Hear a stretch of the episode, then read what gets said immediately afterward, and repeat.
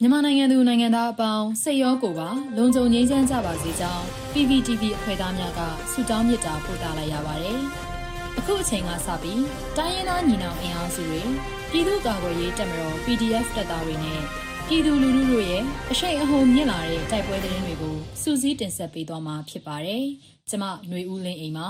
။ပထမဆုံးအနေနဲ့ရန်ကုန်တိုင်းကွန်းကြံကုန်းတော်လန်းနယ်မြေရဲ့စခန်းကို40မမဘုံတီနဲ့ပြစ်ခတ်တဲ့တဲ့ရင်ကိုတင်ဆက်ပေးပါမယ်။ ရန်ကုန်တိုင်းကွန်းကြံကုန်းမြို့နယ်တော်လန်းကျေးရွာနယ်မြေရဲ့စခန်းကိုဒီကနေ့မနက်ပိုင်းက40မမဘုံတီနှလုံးနဲ့ပြစ်ခတ်တိုက်ခိုက်ခဲ့ကြောင်းအန်ယူဂျီအမျိုးသားညီညွတ်ရေးအစိုးရကာကွယ်ရေးဝန်ကြီးဌာနကသတင်းထုတ်ပြန်ပါတယ်။ဩဂုတ်လ3ရက်နေ့နနက်တနာရီ30မိနစ်အချိန်တော်လန်းကျေးရွာနယ်မြေရဲစခန်းကိုတောင်ပိုင်းခရိုင်ပြည်သူ့ကာကွယ်ရေးအဖွဲ့က40မမဘုံသီးနှလုံးနဲ့ပြစ်ခတ်တိုက်ခိုက်ခဲ့ခြင်းဖြစ်ကြောင်းအဆောက်အဦတချို့ပျက်စီးသွားကြောင်းသိရှိရတာပါ။ အလာရူမြောက်ကလာပါမြို့နယ်သူနန္ဒာလမ်းစုံမှာဒီကနေ့နနက်9:25မိနစ်အချိန်နဲ့ည10:08မိနစ်အချိန်မှာဘုံများပောက်ကွဲခဲ့ကြောင်းပြစ်ခတ်တံများပါကြားရကြောင်းဒေသခံများကပြောပါရယ်။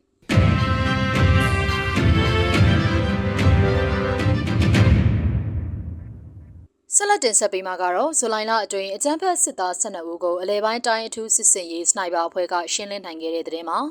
ကရင်ပြည်နယ်မှာဇူလိုင်လအတွင်းကအကြမ်းဖက်စစ်ကောင်စီတပ်သား12ဦးကိုအလဲပိုင်းတိုင်းအထူးစစ်စင်ရေးစနိုက်ပါတပ်ဖွဲ့ကရှင်းလင်းနိုင်ခဲ့ကြောင်းသတင်းရရှိပါရယ်ဖရူဆိုမြို့နယ်ထီကူးတော်မှာတက်ဆွဲထားတဲ့ခမရ428တပ်ဖွဲ့ကိုအလဲပိုင်းတိုင်းအထူးစစ်စင်ရေးအဖွဲ့က၄ချိန်သွားရောက်ပစ်ခတ်ရာစစ်သား၈ဦးသေဆုံးကြောင်းဖဲခုံမြို့နယ်လွယ်မကူးတောင်ပေါ်မှာရှိတဲ့စစ်ကောင်စီတပ်ဖွဲ့ကိုပစ်ခတ်ရာတအူးသေဆုံးပြီးမိုးပြဲစစ်စင်ရေးမှာစစ်သား3ဦးသေဆုံးခဲ့ကြောင်းအလဲပိုင်းတိုင်းအထူးစစ်စင်ရေးအဖွဲ့ကသတင်းထုတ်ပြန်တာပါ။ ကရင်ပြည်နယ်နဲ့ရှမ်းပြည်နယ်တောင်ပိုင်းဖဲခုံမြို့တွေမှာနေမြေကျူးကျော်တက်ဆွဲထားတဲ့အကြမ်းဖက်စစ်တပ်ကိုအလဲပိုင်းတိုင်းအထူးစစ်စင်ရေးအဖွဲ့နဲ့ကရင်ပြည်ပူးပေါင်းတပ်ဖွဲ့တွေကအခုခံတိုက်ခိုက်နေခြင်းဖြစ်ပါတယ်။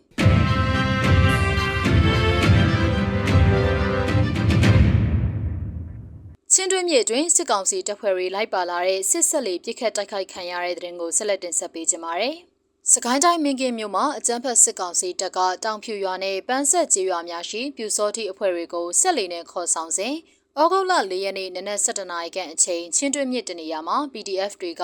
စစ်တပ်ဆက်လေကိုပြစ်ခတ်တိုက်ခိုက်ကြောင်းဒေသကာကွယ်ရေးတပ်ဖွဲ့များထံမှသိရပါဗျ။စကိုင်းတိုင်းမင်းကင်းမြို့မှာတောင်ဖြူရွာနဲ့ပန်းဆက်ကျေးရွာများသို့ပြူစောထီများကိုတွားခေါ်တဲ့ဆက်လီအမြန်ရေရင်ကိုဒေသခံတော်လှန်ရေးအင်အားစုများကဝိုင်းဝန်းပစ်ခတ်ခဲ့ကြောင်း အကြမ်းဖက်စစ်ကောင်စီတပ်ဖွဲ့ရဲ့ဆက်လီဟာအသွားမှာပစ်ခတ်ခံရခြင်းဖြစ်ပြီးအပြန်မှာချင်းတွင်းမြစ်ဘေးမှာရှိတဲ့ရွာတွေကိုဝင်ရောက်စီးနင်းနိုင်တာကြောင့်ဒေသခံတွေစိုးရိမ်နေကြပြီးကျေးရွာအတွင်းမှာထွက်ပြေးတိမ်းရှောင်နေသူတွေလည်းရှိကြောင်းသိရှိရပါတယ်။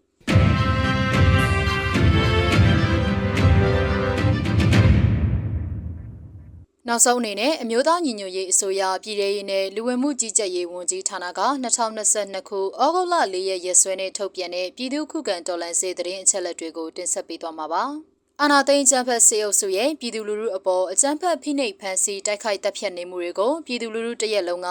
အသက်ရှင်တန်ရေးအတွက်မိမိကိုယ်ကိုမိမိခုခံကာကွယ်ပိုင်ခွင့်အရာပြည်သူခုခံစစ် People's Defensive War ကိုဆင်နွှဲလျက်ရှိပါတယ်။ သတင်းချက်လက်များအရ3ရက်8လ2022ရက်နေ့မှာစစ်ကောင်စီတပ်ဖွဲ့ဝင်56ဦးသေဆုံးပြီးထိခိုက်ဒဏ်ရာရရှိသူ15ဦးအထိခုခံတိုက်ခိုက်နိုင်ခဲ့ပါတယ်။စစ်အာဏာရှင်စနစ်မြန်မာမျိုးပေါ်မှာအပြီးတိုင်ချုပ်ငြိမ်းရေးနဲ့ Federal Democracy တည်ဆောက်ရေးအတွက်ငြိမ်းချမ်းစွာဆန္ဒပြတဲ့လူလူတပိတ်တိုက်ပွဲများကပြည်내နဲ့တိုင်းဒေသကြီးများမှာဖြစ်ပွားပေါ်ပေါက်လျက်ရှိပါတယ်။မြေပြင်မှာယခုတွေ့ရတဲ့သတင်းအချက်အလက်များထက်ပို၍ဖြစ်ပွားနိုင်ပါတယ်ရှင်။